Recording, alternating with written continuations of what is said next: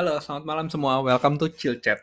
Uh, pertama, sorry dulu karena gue um, kurang lebih mungkin dua hari terakhir ya gue nggak upload uh, video ya karena gue ada kesibukan lain lah pada dasarnya. Um, hari ini gue bakal bahas sesuatu yang di lingkungan gue akhir-akhir ini lagi hot. Itu berkaitan dengan um, lingkungan pekerjaan yang toxic.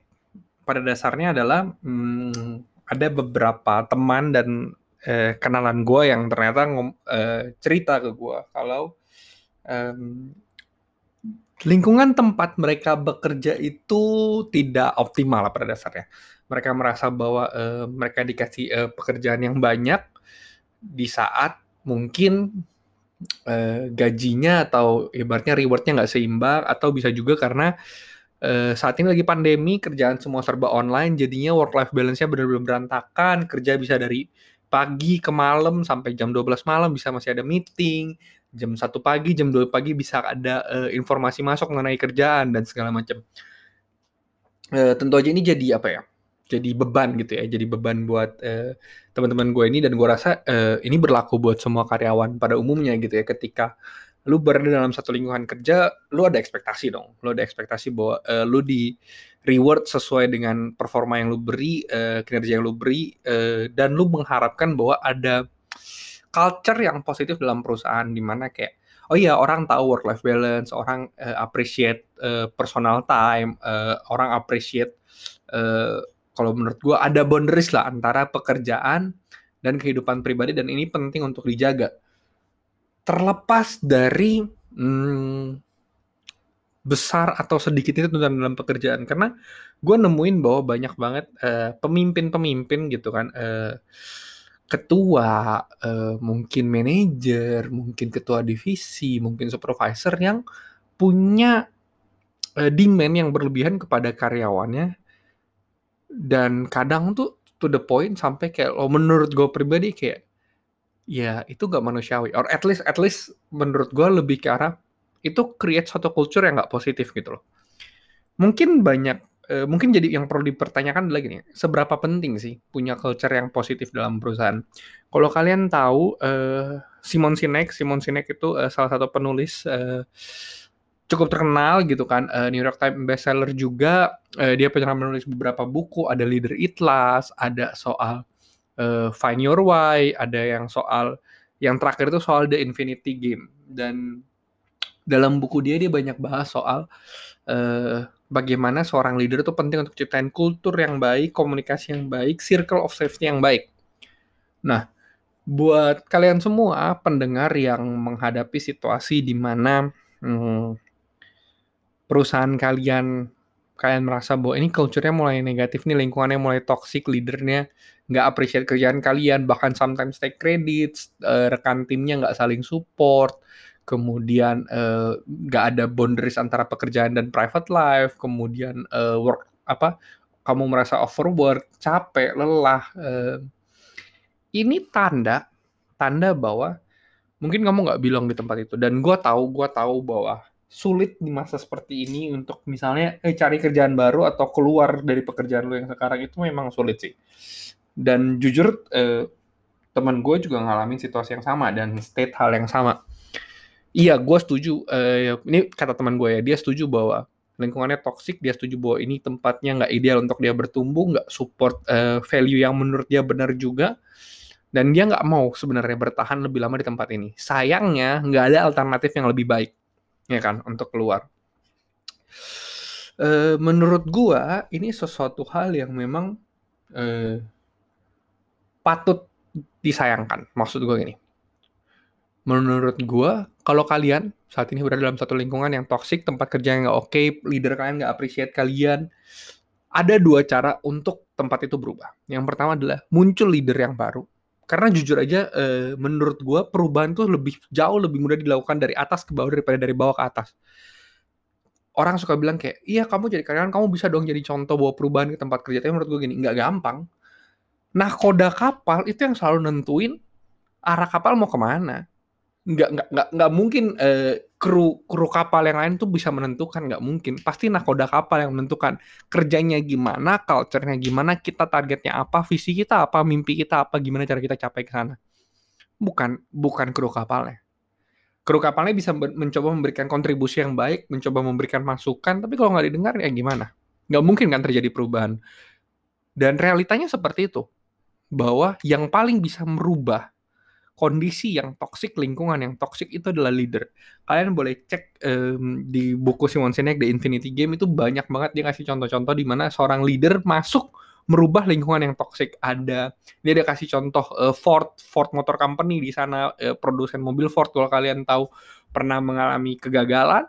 Uh, kemudian dia masukkan leader yang baru, leader yang merasa bahwa kayak ini kulturnya negatif nih, ini ada yang salah nih, ada yang nggak beres nih, kayak gitu.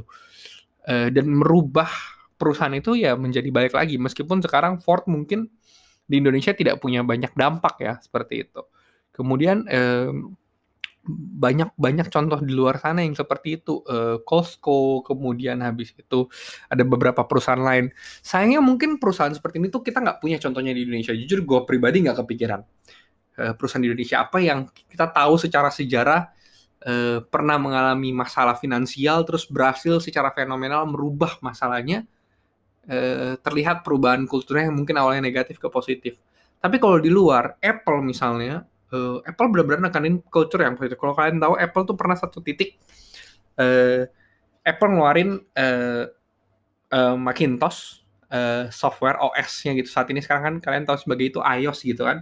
Uh, Apple tuh masuk ke komputer, dunia komputer itu sudah lebih personal komputer itu duluan daripada IBM. Padahal IBM, kalau kalian tahu IBM itu merupakan perusahaan besar di Amerika berkaitan dengan teknologi juga. Itu sebenarnya sudah punya resource yang lebih banyak dalam hal komputer. Karena mereka yang handle komputer-komputer yang besar. Mereka nggak handle uh, mereka nggak handle soal personal komputer gitu. Saat zaman itu kan komputer masih size-nya ya kalau kalian tahu dalam sejarah ukurannya masih sangat besar seperti itu. Ketika uh, ketika IBM untuk masuk ke dalam uh, pasar gitu ya pasar personal komputer gitu kan Kalian tahu apa respon Apple? Mereka nggak merasa bahwa ini tantangan baru atau mereka nggak merasa bahwa ini merupakan ancaman terhadap kondisi ekonomi mereka, kondisi finansial mereka. Tapi mereka memandang mengeluarkan statement bahwa finally, thank you IBM for joining the race, gitu loh. Untuk hadir di sini karena mereka merasa bahwa IBM ini merupakan uh, rival yang sebanding gitu loh. Uh, perusahaan yang sangat besar yang mampu mengembangkan industri tersebut seperti itu. Ini nunjukin culture yang positif bagaimana mereka melihat hmm, sesuatu yang sifatnya kalau buat perusahaan lain gitu kan perusahaan umum kayak wah ini ancaman tapi mereka melihat ini sebagai sebuah, sebuah peluang mereka ibaratnya gini mereka pemimpin leader dalam uh, market share-nya dan mereka tidak gentar ketika ada pemain baru dan pemain ini bukan pemain ecek-ecek ini pemain besar gitu loh yang masuk ini nunjukin bahwa uh, ada ini buah dari culture yang positif dalam suatu perusahaan buah di mana ketika karyawannya merasa bahwa um, ada visi yang mau dicapai, ada misi yang mau dicapai, lingkungan yang dibentuk positif, uh, masukan yang diberikan didengar. Dan ya, berarti tentu saja di sana ada ya ada reward yang setimpal di sana.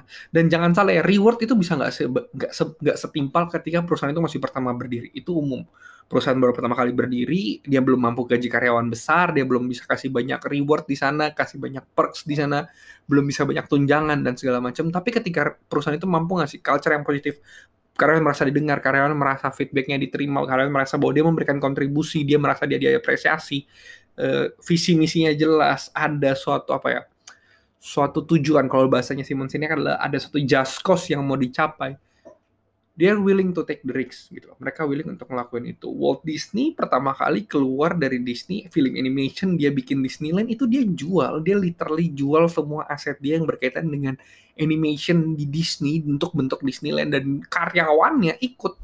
Saat itu apa sih Disneyland? Orang nggak tahu apa itu Disneyland. Orang nggak tahu uh, bagaimana membentuk suatu uh, amusement park yang uh, child friendly. Saat itu amusement park bentuknya cenderung uh, berbahaya uh, wahananya seperti itu.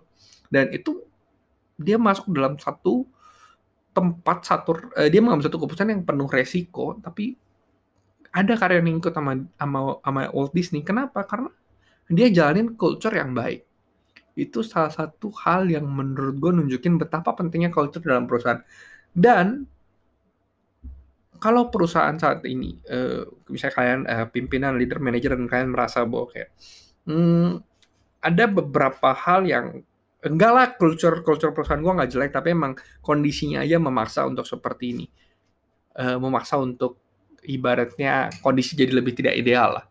Hmm, menurut gue that's normal. Oke, okay, at some point mungkin alasan itu bisa diterima. Tapi at some point juga pertanyaan adalah mau sampai kapan culture itu dibiarkan? Dibiarkan karyawannya bekerja overtime, overwork, nggak ada work-life balance, demand-nya terus tinggi, meetingnya amburadul, benar-benar nggak ada boundaries antara pekerjaan dan personal time. Pers uh, private space juga nggak ada gitu kan, ibaratnya. Padahal kita work from home kebanyakan.